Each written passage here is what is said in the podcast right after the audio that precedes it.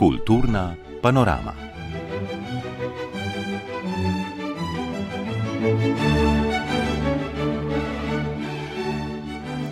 Pozdravljene in pozdravljeni. Vabim vas, da prisluhnete našemu tedenskemu izboru, ki ga pripravljamo v uredništvih za kulturo in resno glasbo tretjega programa, programa Ars Radia Slovenija. Za glasbeno opremo bo poskrbela Tina Ogrin, jer naj bo pa za pravšen zvok. Pred mikrofonom bom kolegice in kolege napovedoval Goran Tenze.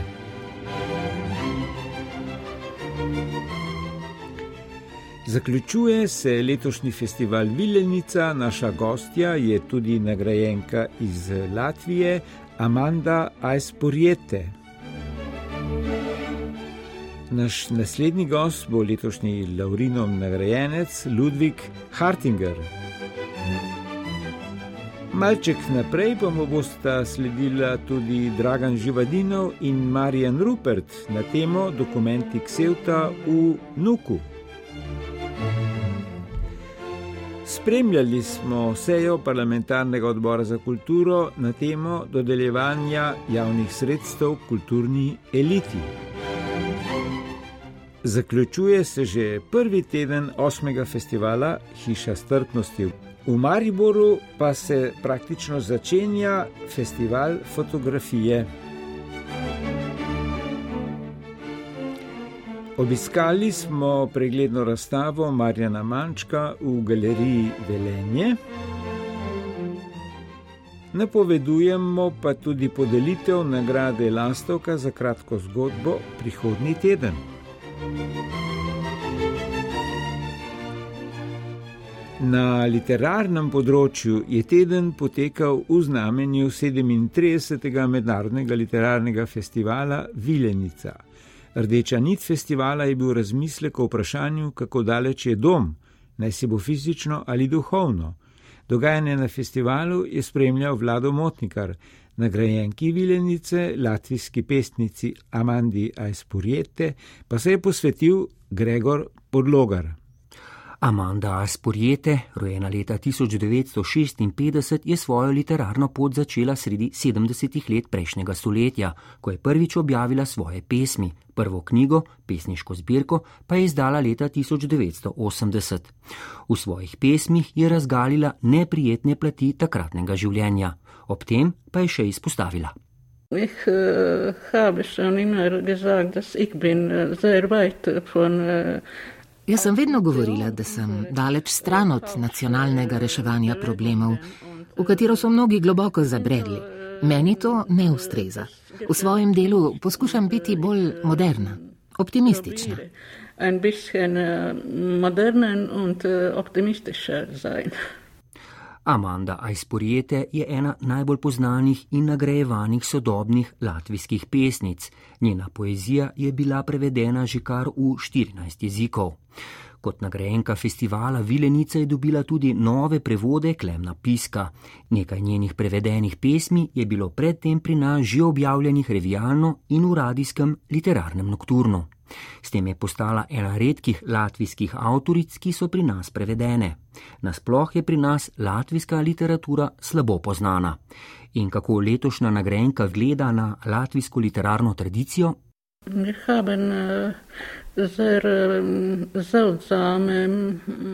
Naša država ima zelo čudno zgodovino. Mislim, da je naša literatura mnogokrat globlja kot literature drugih držav, ki izhajajo naravnost iz zgodovine.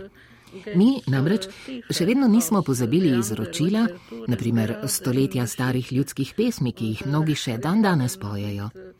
In prav iz njih kdaj nastanejo tudi novi literarni teksti. In tudi to je pravzaprav precej neobičajno. Tako jaz vidim našo literaturo in zgodovino. So, uh, ich werde gerade nicht über Geschichte sprechen. Amanda Aispurjete pa je poznana tudi kot prevajalka. V latviščino je prevedla poezijo Ane Ahmatove, Josifa Brodskega in Georga Trakla pa nekaj romanov, kot naprimer Orlando Virginije Woolf, Proces Franca Kafke ali Veliki Gatsby Francisa Scotta Fitzgeralda. In kako ločuje prevajanje poezije od proze? Translate. Ko prevajam pesmi, je to res težavno, saj se mnogokrat poistovetim z avtorjem. Pri tovrstnem prevajanju je tako vključeno moje življenje, ne pa moje ustvarjanje. Pri prevajanju proze pa je povsem drugače. Tu točno vem, kaj, kako avtor sporoča in se zato od njega popolnoma ločim.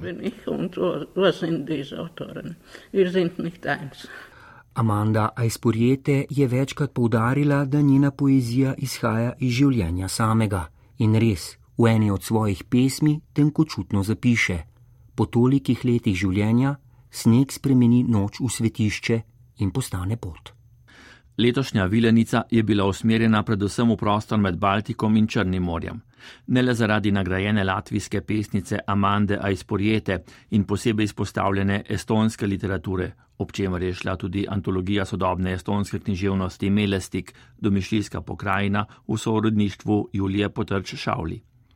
Tudi večina udeležencev je izhajala iz nekdanjega sovjetskega prostola ali pa je povezanih z njim. Pač pa smo pogrešali goste iz navilenici tradicionalnih književnosti, češke, polske, mačarske, slovaške, tudi avstrijske. Predsednik mednarodne žirije Vilenice je Aljoša Harlamov. Seveda je tu neka rdeča nit ali pa neka enotna zgodba, ki smo jo letos skušali pri Vilnici odpreti. Mislim, da se nismo mogli izogniti vojni v Ukrajini. Ko smo sestavljali program, se je ravno nekako začela ruska agresija nad Ukrajino. Tako da se temu vprašanju nismo mogli, želeli in na zadnje se mu tudi pač nismo izognili. Tako da je okrogla miza pravzaprav potekala nekako na vprašanje letošnje Vilnice, kaj je dom, kje je doma. Ne? In smo se pogovarjali kot vzhodna Evropa kot del recimo srednje Evrope, kdo smo sploh evropejci, kam sodimo in pravzaprav nekako tudi skušali v kontekst postaviti dogajanje v Ukrajini ta trenutek. Čeprav je dolgo kazalo, da se razlike med zahodno in vzhodno Evropo zmanjšujejo, so nasprotja, kot se je pokazalo, velika. Na poseben način to čutijo narodi na omestnem področju in razmislek o vprašanju, kaj pomeni biti evropejec, je izpostavil vrednote, ki so zahodneje morda samo umevne. Vsi razpravljavci prve okrogle mize so povdarjali potrebo po povezovanju in enakopravnem sodelovanju, naprimer estonska pesnica Hanna Komar.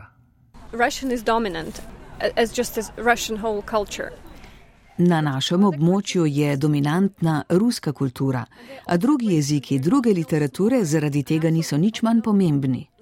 Narodi s kulturami, ki so podcenjene, se moramo globalno podpirati in povezati in se skupaj bojevati proti imperialistični moči velikih, promovirati naše jezike, literature in kulture, medsebojno prevajati naprimer belorusko in slovensko književnost. Prevodi in festivali so odlična priložnost za spoznavanje drug drugega, za širjenje svoje literature.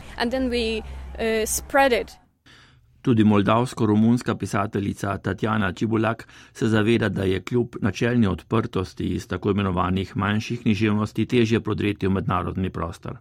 Njej je uspelo, prevedena je v 16 jezikov, pri tem pa se zaveda pomena literarnih posrednikov, prevajalcev in založnikov. It would be quite arrogant for me to say that literature has its own power. Precej domišljavo bi bilo, če bi rekla, da ima književnost svojo lastno moč in da le dobra knjiga lahko pride do prevoda in uspeha. Moje knjige so imele največ uspeha prav v državah, kjer so se prevajalci zaljubili vanje in nagovorili založnike, da jih hočejo prevesti. Upam, da se bo to zgodilo tudi v Sloveniji, deželi, v katero se v teh dneh posebej zaljubljam, ker je čudovita in kjer imam fantastičnega prevajalca Aleša Mustarja, ki je že toliko naredil za romunsko književnost, kot moldavska vlada ne more nikoli narediti. Dobra knjiga, po mojem mnenju, sicer najde pot do bravcev, vendar ne nujno do bravcev v drugih jezikih. Zato se še enkrat zahvaljujem vsem, ki so se odločili za prevajanje tako imenovanih manjših literatur iz manjših jezikov. Pisatelj in esejist, prevajalec in urednik Andrej Blatnik je avtor 14 leposlovnih in petih strokovnih knjig in sodi med najbolj prevajane sodobne slovenske književnike. Dolga leta je bil kot član in pozneje predsednik mednarodne žirije Vilenice tesno upet v organizacijo festivala, letos pa je bil izbran za slovenskega avtorja v središču. Gost v središču festivala Vilenica je neke vrste nagrada za življensko delo. Torej, na nek način je to seveda ena počastitev. Veseli me pa tudi, da je za to se odločila neka žirija, kjer mislim, da so samo še trije iz časov mojega sodelovanja v žiriji, ker zdaj jasno mi ne bilo primirno, da bi nekako me nekdani kolegi izbirali za kakšno tako čast. Moj opus je zdaj že sorazmerno dolgotrajen, ne? naslednje leto bo 40 let od izida moje prve knjige, ne? tako da tudi to se nekako ujema v to, kar sem govoril prej.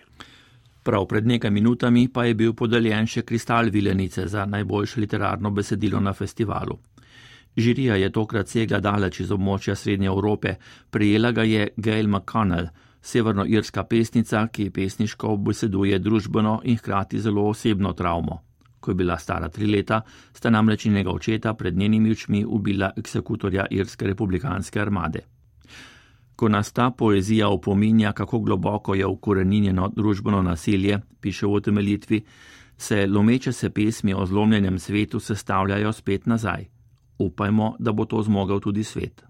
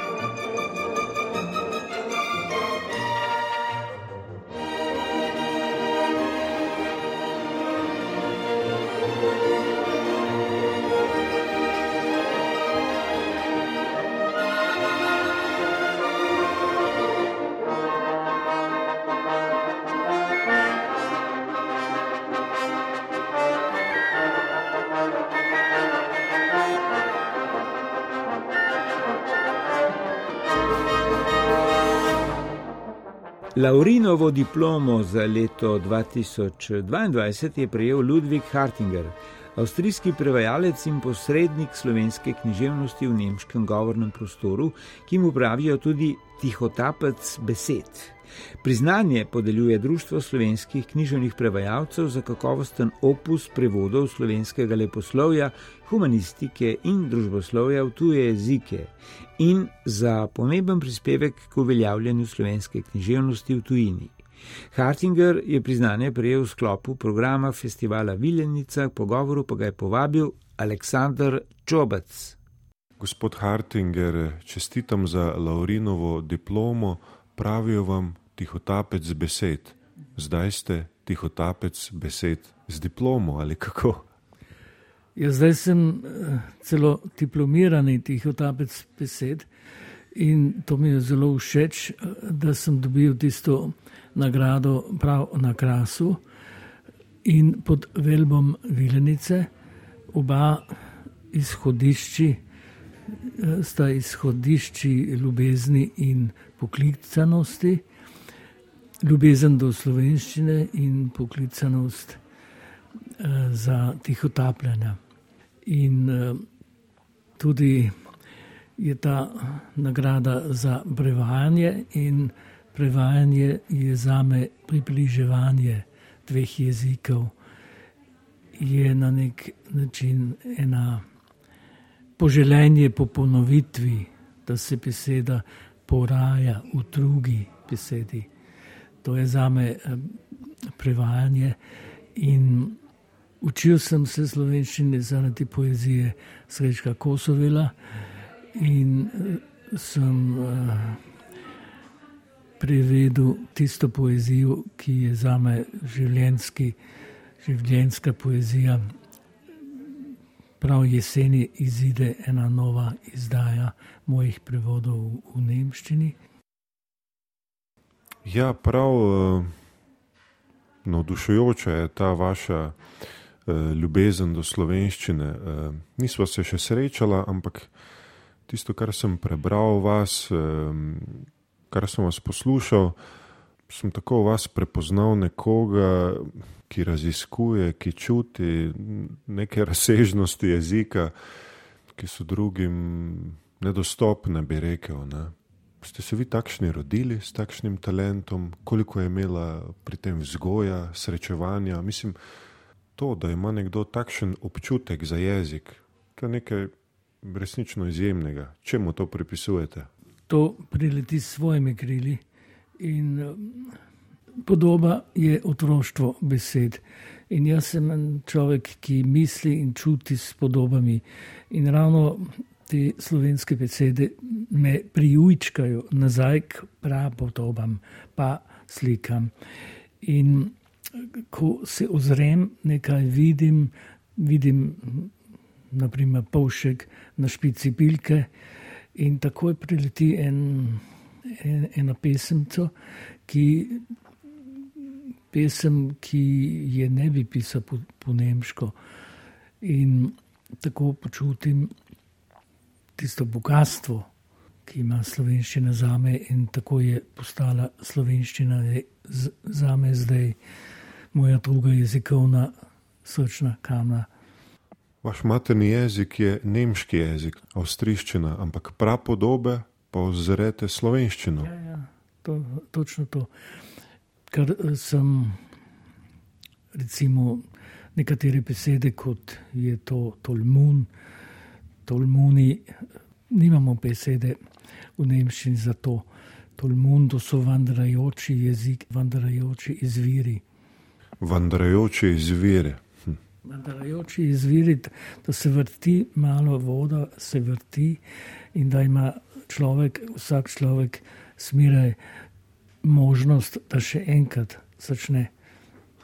Kot sva povedala v vodoma, eh, vas imenujejo za tihotapca besed.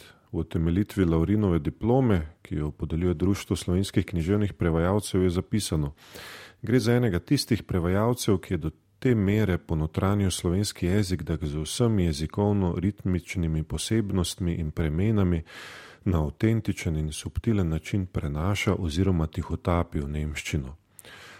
Uspešnega tihotapca nikoli ne ulovijo. Ne? Eh, zato gre pri vas. Ne.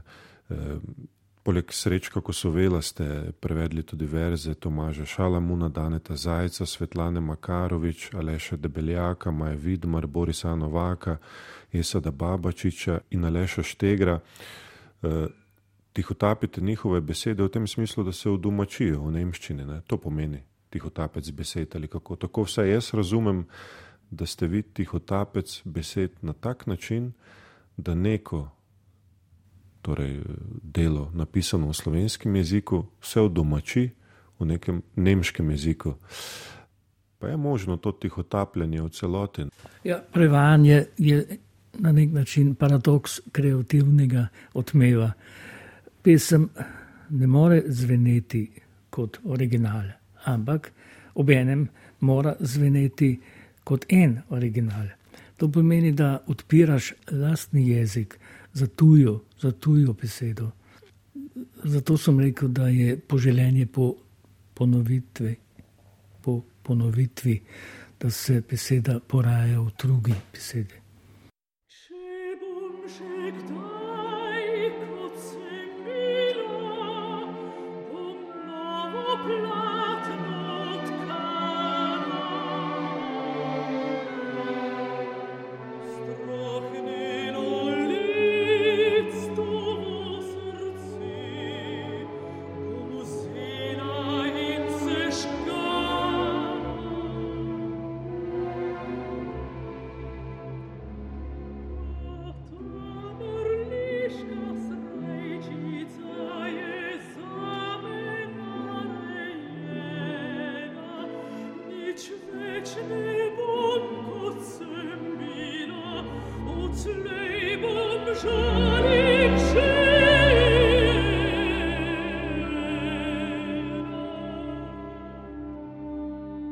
Odbor za kulturo je na zahtevo stranke SDS obravnaval dodeljevanje javnih sredstev kulturni eliti z področja umetnosti. Po njihovem mnenju Ministrstvo za kulturo ne opravlja zadostnega nadzora nad tem, kdo dobiva državna sredstva in da se financirajo sporni programi. Več pa je pripravil Miha Žorž.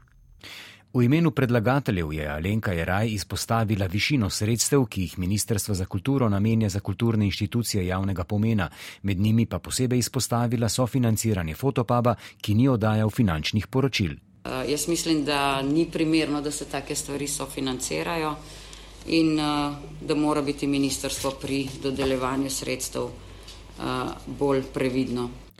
Ministrica za kulturo Asta Vrečko je povedala, da je bila odločitev o financiranju fotopuba sprejeta leta 2017 za obdobje med letoma 2018 in 2021. Torej, do konca leta 2021 je bilo financirano od takrat naprej ne več. Mi smo prišli na ministrstvo 1. junija 2022 in 15. januarja 2021 torej pod prejšnjo vlado, bi moralo biti oddano vsebinsko zaključno poročilo in ni bilo. Skrajni čas je, da se pripravijo jasne analize o razdeljevanju sredstev in da se začne delovati v prid različnim oblikam kulturnega delovanja. Iva Dimic, NSI, Tatjana Grajf, Levica in Alma Intihar, Svoboda. Poglejmo, ali dobi 20 odstotkov dobi tistih, uh, ki dobijo sredstva, če je to 80 odstotkov budžeta. Takoj bomo videli, kdo so te elite in vsem bo jasno. Kdo so kulturne elite? A s tem mislite ne v kulturi, samo zaposlene kulturne delavce? Menda ja ne. Morda pa mislite RKC, ki ravno tako prejema sredstva iz Ministrstva za kulturo in to brez vsakih dokazil o odličnosti. Odrekate pravico dejavnih sredstev nevladnemu sektorju v kulturi, ki je najbolj živ, vitalen in progresiven del kulture. Medtem pa rumenim jopičem odobravate status društva, ki deluje v javnem interesu na področju kulture. A je torej neonacizem v javnem interesu? In bi rada povedala še nekaj, umetniki smo tisti, ki vam bogatimo vsak danje življenje. A si predstavljate, da za en dan in za eno noč zginajo sten vse slike, da za en dan pa za eno noč ugasne pesnikovo pero, da za en dan in za eno noč v teatru zavlada večna tišina in tema. V kakšen svet mislite, da bi se zbudili? Predlagatelji seje so se sicer naslanjali na podatke o financiranju nevladnikov, ki jih pripravlja Centr nevladnih organizacij, vendar po besedah direktorja centra Gorana Forbicija zelo selektivno. No, večina denarja, ki ga država, se pravi tako vlada kot eh, neodvisni skladi in agencije ter občine namenjajo eh, nevladnemu sektorju v kulturi, gre za vaška kulturna društva. Razprava se je sicer vrtela tudi okoli razumevanja oziroma nerazumevanja umetnosti. Alenka je raj in nasta vrečko. Problem, ko se financira devijantnosti, projekte, ki jih večinsko prebivalstvo ne sprejema, vemo, da je veliko kritik in tudi ni noben problem, če so kritike, ker kritike ponovadi vodijo k izboljšavam. Seveda tukaj zdaj ne moramo mi gledati, na kak način bi lahko v bistvu kakršnokoli umetniško snovanje obsojali po nekih moralnih predispozicijah ali razglašali umetnostne sodb. Politika ni umetnostna ali strokovna podkovana kritika, ampak na ta način gre v bistvu zgolj za neko blatenje, za neke mnenja, ki niso strokovna. Ministrica je še pojasnila, da analize o financiranju v preteklih mandatih niso bile opravljene. V tem mandatu pa so tudi za ta namen ustanovili direktorat za razvoj kulturnih politik. Predstavniki nevladnih organizacij pa so opozorili na poskuse diskreditacij in obračunavanja s kritičnimi glasovi v kulturi.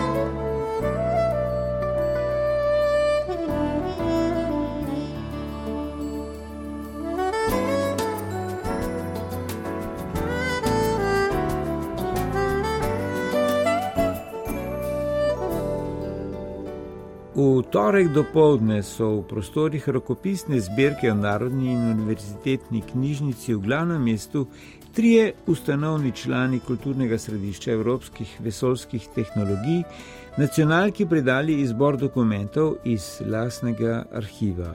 Prav na ta dan pred desetletjem so namreč v Vitanju slovesno in polni upanja odprli novo modernistično stavbo, v kateri so Miha Turšič, Dunja Zupančič in Dragan Živadinov ostali pet let. Odhod iz Vitanja leta 2017 ni bil brez grenkobe, tako kot je tudi spomin na njega za kakšne dokumente gre Dragan Živadinov. Res je, tukaj v rokopisnem oddelku Narodne in univerzitetne knjižnice v Ljubljani smo predali temeljne dokumente. Teh dokumentov je na stotine, če vam pa rečem, da smo enkrat jih merili meter in pol. Se pravi, zbrali smo 46 dokumentov, ki opisujejo vzroke, ki zahtevajo to novo inštitucijo 21. stoletja. Ksevt je namenjen bil kulturalizaciji vesolja in je še vedno namenjen in kozmifikaciji umetnosti. Poseben podarek na današnji dan, ko, teč, ko potekajo vojaški spopadi, moramo pa reči tudi proti militarizaciji vesolja. Uvod v prireditev je začel gostitelj Marjan Rupert, vodja rokopisne zbirke, ki je po koncu za naš program utemeljil, zakaj so se odločili za sprejem in hrambo izbranega dela Ksevtovih dokumentov. No, Ksevt pa seveda eh, je pa, se mi zdi, poseben fenomen v slovenskem prostoru. Na tiskovni konferenci sem omenil Plečnika, ki je bil seveda na nek način svetovljan na podlagi njegovega delovanja na Dunaju, na podlagi teh njegovih arhitekturnih del, ki jih je izvršil pravzaprav v prestolnicah tedanjih Evrope, na Dunaju, v Pragi in tako naprej. In seveda želel je, da bi Slovenci razmišljali drzno, da bi imeli ideje, ki bi pravzaprav globalno pokrile svet. In tukaj se mi zdi ravno ta kvaliteta ksevta, da razmišlja v tej smeri. Se pravi, ne samo osko nacionalno, ampak kot vidimo, ne tudi samo globalno, ampak dejansko v celotnem vesolju. In mislim, da je to projekt, ki ga je treba podpreti. Se pravi, ne samo finančno in tako naprej, ampak tudi v tem zgodovinskem diskurzu je treba te temeljne dokumente ohraniti, da ostanejo pravzaprav kot pričevanje eh, dostopni tudi našim zanamcem.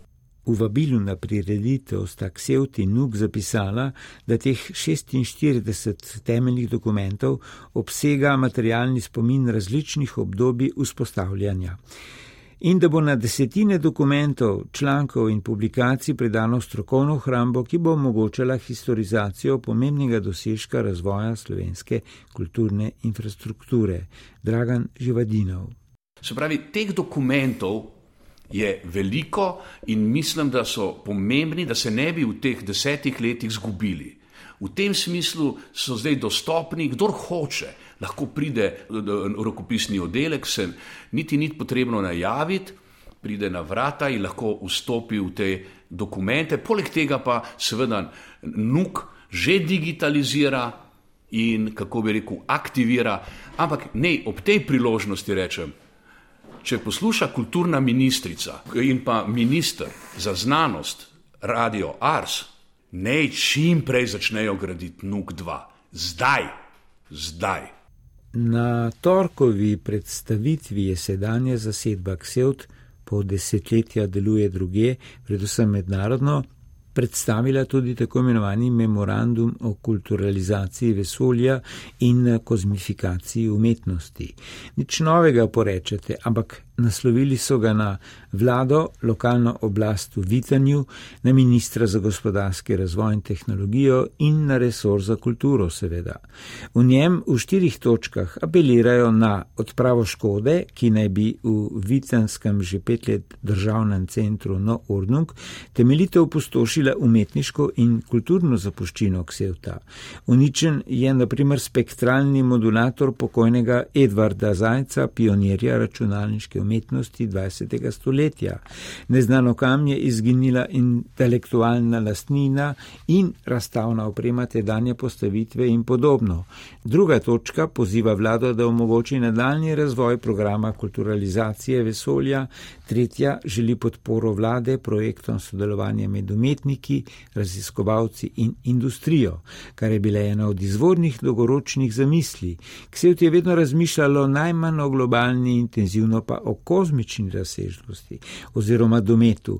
Njegov poskus združitve oziroma točke stika med znanstveniki in naravoslovci, inženirji in humanistiko je nujen, če nočemo, da bo na poti v vesolje prevladal zgolj militarističen in trenutni imperialen pristop. Zato tretja točka poziva vlado, da omogoči vključevanje slovenskih organizacij k takšnim evropskim vesolskim projektom, ki uspodbujajo demokratizacijo in vključevanje umetnosti in humanistike v nadaljni potek predora v vesolje. Se sliši utopično? Marsikaj v preteklosti je bilo utopično, danes pa je malo da ne vsakdanje samoumevno, več pa sicer v daljšem posnetku pogovora z Živadinovim, ki bo na sporedu v prihodnih tednih, seveda na programu Ars.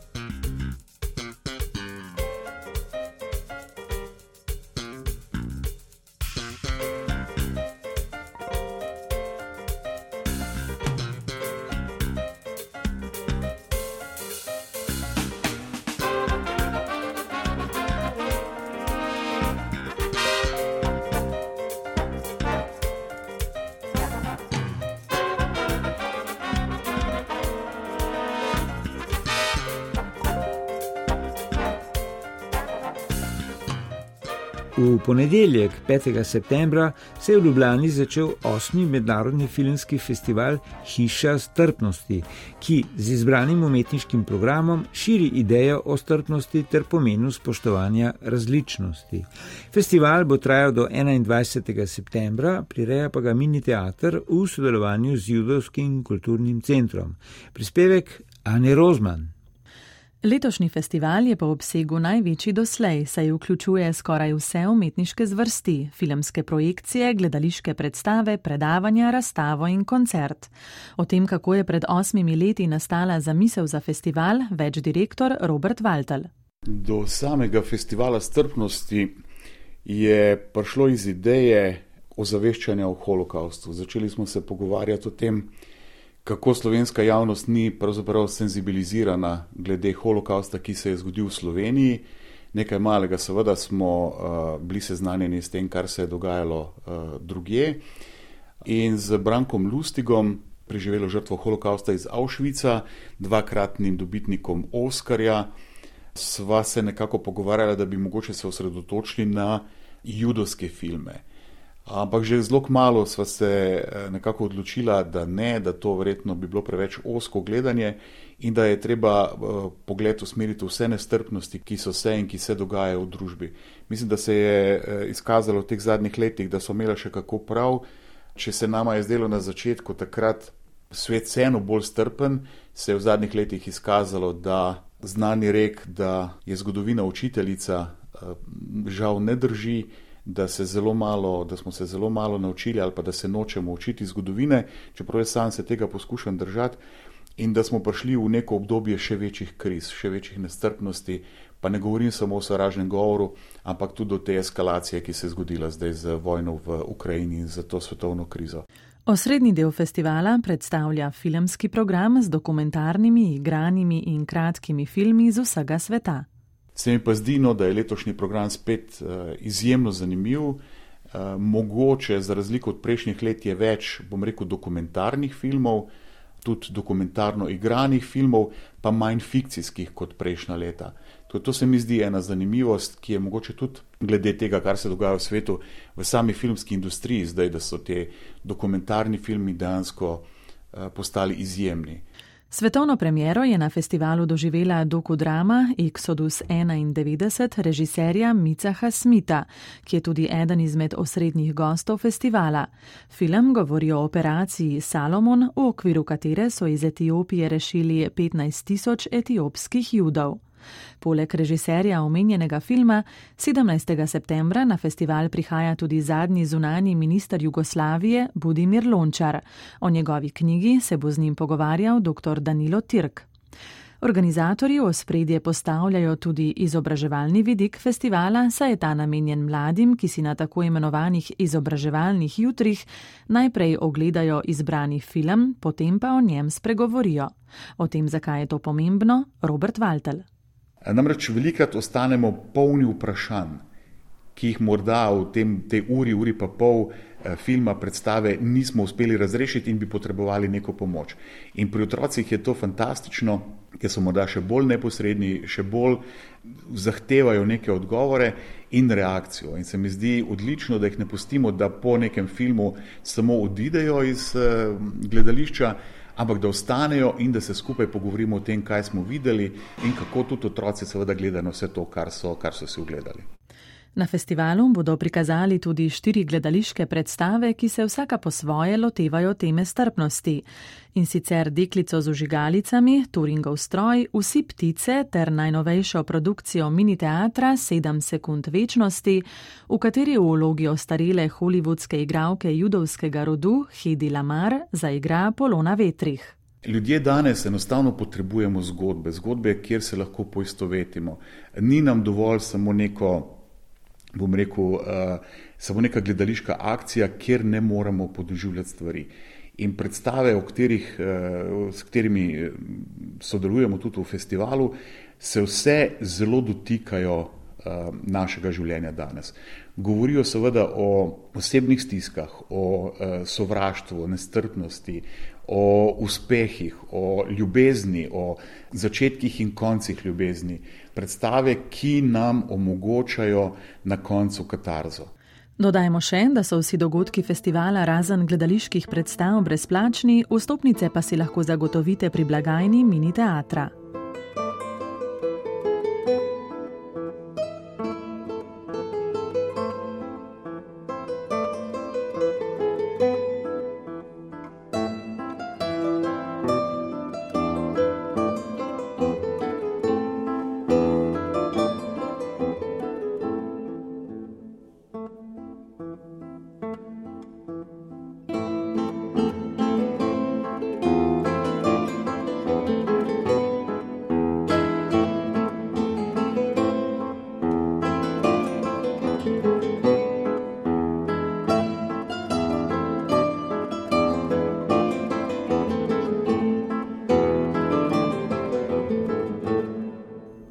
Mariboru se je z otvoritvami fotografskih razstav začel sedmi festival fotografije. V sodelovanju z več ustanovami ga organizira tukajšnji fotoklub. Na 17 prizoriščih bodo na ogled razstave slovenskih fotografov, ki se navdušujejo nad tradicionalno, torej analogno tehniko fotografije. Razstave odpirajo postopoma, ogledate pa si jih lahko do sredine oktobra. Podrobnosti je pripravila Brigita Mohorič. Slogan letošnjega festivala je Avantura svetlobo. Ta je ključno izrazno sredstvo v stari tehniki, ki navdušuje ustvarjalce različnih generacij, pa tudi mlade, pojasnjuje umetniška direktorica festivala Sara Nuša Golob Grabner. Meni se je zdelo res zelo zanimivo to, kako comeback je imela analogna fotografija v zadnjih letih, že sam popularnost. Avtori, ki nasplošno tudi morda v kasnejšem delu življenja začnejo to raziskovati.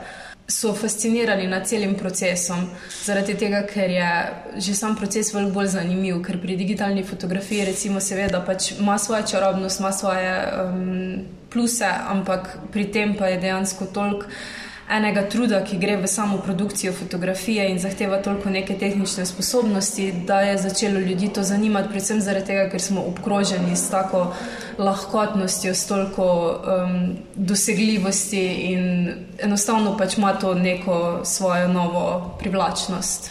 Na 17 razstavnih prostorih v mestu so na ogled večinoma analogna fotografska dela, mnoga so digitalno obdelana, nekaj je tudi digitalnih. Ustvarili so jih domači fotografi različnih generacij. Predvsej je članov Mariborskega fotokluba, v galeriji Rudolf pa razstavljajo mladi, še neoveljavljeni ustvarjalci.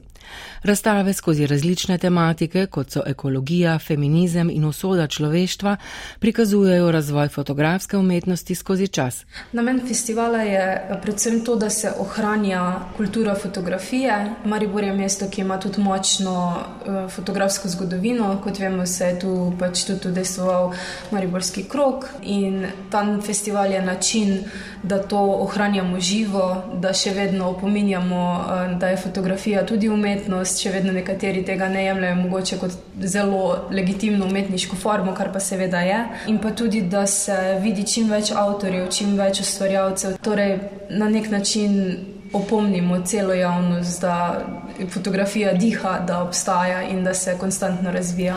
V basti Mariborskega gradu razstavlja serijo črno-belih fotografij v digitalni tehniki z naslovom Onkraj sedanjosti, se zavedamo časa, ki prihaja, član Mariborskega fotokluba Miha Kacafura. Zavezan portretni in akt fotografiji. Z družbeno angažirano tematiko se odziva na posledice zastrupljanja zemlje, našega življenjskega prostora in negotove prihodnosti. V bistvu gre za simboliko uničevanja zraka z plini, z atomskim orožjem, ki nekako je eh, antipod simbolizira eh, gas maska. Nasproti temu so seveda ti plini, ki so na okoli kot prav plini v zraku. In uh, antipod temu eh, so pa vse povsod uh, ženska prsa na takšen ali drugačen način, ki pa uh, ponazarjajo nadaljevanje človeške vrste. Fotograf je počaščen, da lahko dela predstavlja na tem festivalu. Pravi, da še tako odlične fotografije ostajajo zavedno nevidne, če jih občinstvo ne vidi. Festival je tako pomembna priložnost za predstavitev tovrstne umetnosti. V galeriji Edvard pa je na ogled delo z naslovom Beneške poti Branimirja Ritonje, enega najvidnejših sodobnih mariborskih fotografov, dobitnikov več domačih in tujih nagrad, ki zagovarja, da mora imeti fotografija koncept. Pri ustvarjanju pogosto posega po starejših fotoaparatih in tako je nastala tudi razstavljena fotografija, posneta v klasični tehniki, vendar digitalno obdelana. Sem to posnel z zelo cenjenim aparatom iz plastike, ki pa ima eno napako noter. In ko sem godil to napako, sem potem to napako izkoristil v kreativnost, namreč posnetki se prekrivajo. In ker binetke so sestavljene glavnem iz kanalov, in ko sem bil takrat v binetkah, sem cel film, to je bilo 12 posnetkov, posnel uh, same kanale in potem seveda uh, sem izbral tiste posnetke, ki so pravzaprav bili v enem sklopu, to je, so štirje posnetki, uh, ki najbolj predstavljajo same binetke. Med razstavljavci so tudi Rudi Oran, Miroslav Arbutina, Tihomir Pinter, Klaudija Žitnik, Janez Korošin, Andrej Forlan, Anja Papoga, Uroš Črnko in Gerhard Angleitner. Dve razstavi pa sta skupinsko delo več fotografov. Razstavljene fotografije prikazujejo ustvarjalnost zelo različnih avtorjev, ki se vračajo k starim tehnikam in jih dopolnjujejo s sodobnimi, pojasne umetniška direktorica Sara Nuša Golob Grabner. Zato je sporočilo festivala poziv. Pravzaprav o neki klasiki in vrnitvi k koreninam in eksperimentiranju z njimi. Zaradi tega, ker um, same tehnike so tudi zelo razgibane, tudi veliko je hibridnih tehnik. In pravzaprav samo hočemo pokazati, kaj vse se da narediti z tehniko, ki se jemlje kot klasična, kot starejša, v novi dobi, z novimi pristopi in z novimi koncepti. V poplavi digitalnih medijev se fotografije in s tem naši spomini izgubljajo. Vodilo letošnjega festivala je med drugim tudi vrnitev k fizični fotografiji, dodaja Ritonija, ki je tudi direktor prireditve. Vse ta poplava teh digitalnih fotografij gre ogromno v pozavo. Zato pravimo, da fotografija ne obstaja, dokler ni narejena v fizični obliki, ki lahko priješ v roko, daš v okvir in obesiš na steno. In to je poanta tega letošnjega festivala, tudi osvečati ljudi, ne, da naj si, naj si dajo fotografije izdelati, kajti čez pet, šest let ali pa deset let ne bojo imeli dobenega spomina več, kajti fotografija je najbolj pristen spomin. Festival fotografije Maribor, ki poleg razstav na 17 razstaviščih ponuja še delavnice, predstavitve alternativnih fotografskih tehnik, predavanja in pogovore z ustvarjalci, bodo slovesno odprli 17. septembra zvečer z javnim vodenjem po razstaviščih v umetniški četrti na Žirovskem trgu na Mariborskem lentu. Vse razstave bodo na ogled do sredine oktobra.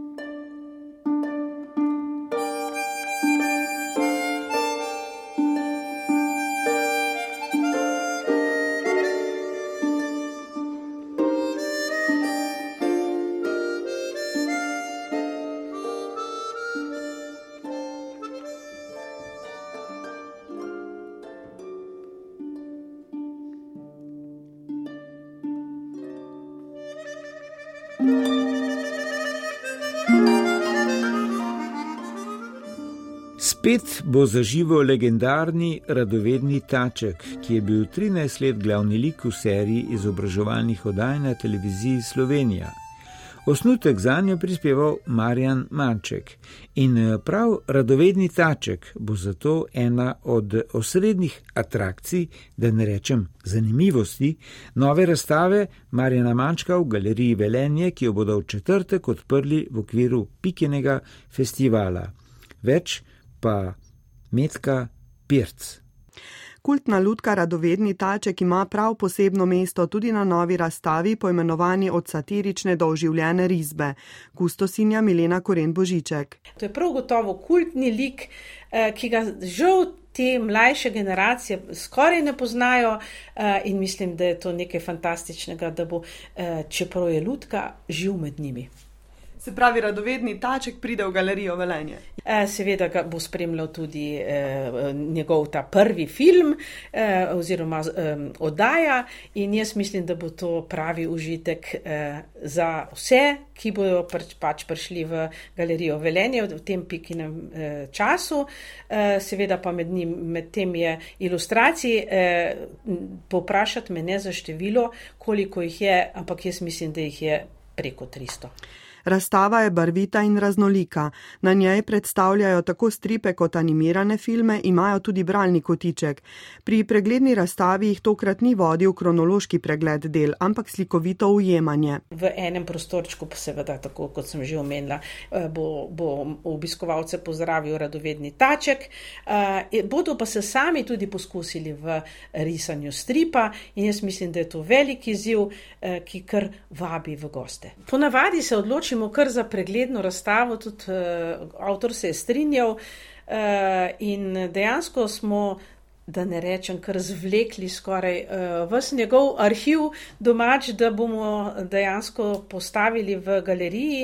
Uh, galerija je precej velika in uh, nekako bomo pač en tak prelet, ne ravno v kronološkem redu, ampak bolj nekako v tem slikovnem ujemanju postavili za mlade in starejše. Marjan Manček je bil eden prvih striparjev, ob tem pa še zanimivost. Pa še zanimivo je to, da v bistvu on ni akademski slikar, ampak je študiral angliščino in zgodovino in da dejansko iz popolnoma amaterizma pravzaprav šel v to, uh, z, ampak z enim neskončnim, uh, neskončno radovednostjo in seveda enim blaznim talentom. To je vsekakor ustvarjalec, ki se je na toliko področjih uh, izkazal in uh, tako, s tako različnimi uh, mediji, da je v bistvu kar nekaj neverjetnega, ne? da se loteva tudi teh animiranih filmov.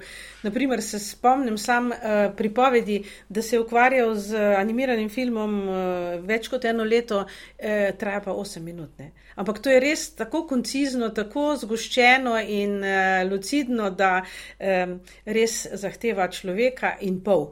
In Marjan Manček je prav gotovo eden izmed ilustratorjev, um, striparjev, um, filmskih animatorjev, ki je zagotovo um, zapisan ne samo v otroških očeh, ampak tudi v odraslih, ker veliko, predvsem animiranih filmov, je bolj za odrasle kot za otroke.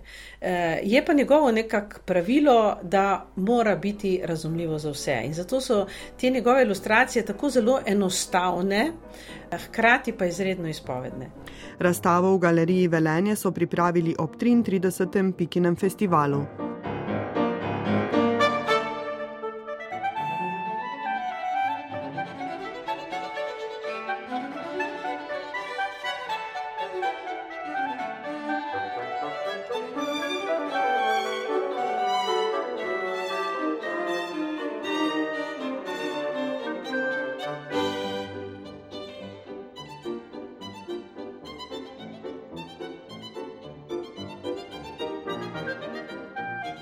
Pred koncem pa še informacija o letošnjem slovesnem izteku naše nagrade za najboljšo kratko zgodbo Lastovka. Prihodnji četrtek, 15. septembra, bo na Ljubljanskem gradu podelitev nagrade Lastovka, ki jo bosta povezovala Igor Velše in Mateja Perpar, potekal pa bo v glasbeni spremljavi violinistke Ane Mzgec. Zmagovalno zgodbo bo interpretiral dramski igralec Matej Puc, s prejemnikom Lastovke pa se bo pogovarjal Gregor Podlogar. Kot uvod v sklepno prireditev, na kateri bodo razkrili avtorja zmagovalne zgodbe, bomo od jutri 11. do srede 14. septembra v oddaji Literarni Nocturno predstavljali kratke zgodbe, ki jih je žirija uvrstila v oži izbor. Strokovno žirijo so letos sestavljali dr. Primo Švites, Tina Kozin in predsednik Kaljaš Krivec, ki je takole predstavil svoj vtis o natečajnih zgodbah na splošno se mi zdi, da so pretežno gravitirale k nekim intimnim tematikam, nekim filozofskim vprašanjem, nekim večnim vprašanjem. No, mogoče pač nekako minevanje se je pogosto pojavljalo, staranje, smrt. Pogosto je bil recimo motiv demence, to se mi je zdelo zanimivo. No, v glavnem, veliko je bilo teh tematik, družinske tematike in podobno. Uh, dosti manj je bilo socialnih tematik, ni bilo recimo vem, begunska kriza, bila zelo popularna v literaturi, manjšinska vprašanja, kakšna.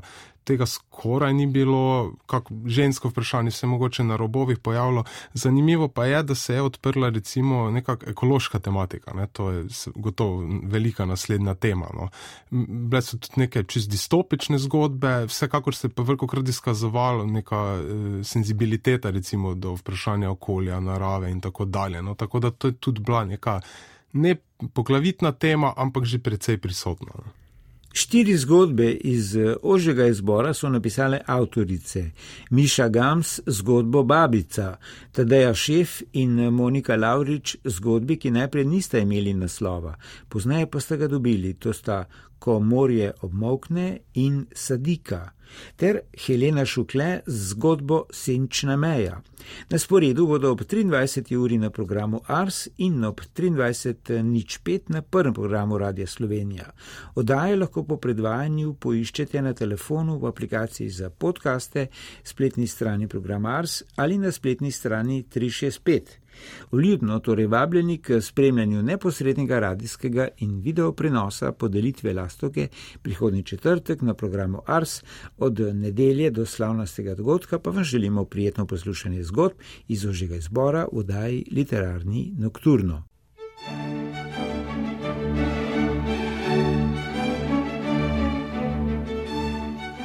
Današnjo oddajo smo skupaj pripravili Vlado Motnikar in Aleksandr Čobec, Miha Žorž, Ana Rozman, Brigita Mohorič, Metka Perc. Zadnje obvestilo o podelitvi lastoke pa je spisal Matej Juh. Za glasbo je poskrbela Tina Ogrin, za zvok pa Jrnej Boc.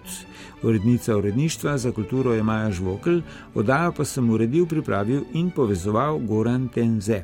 Kmalo bo vse v naših internetnih arhivih, vključno s podcasti in še vedno naša stran ars.rtv.slo.si.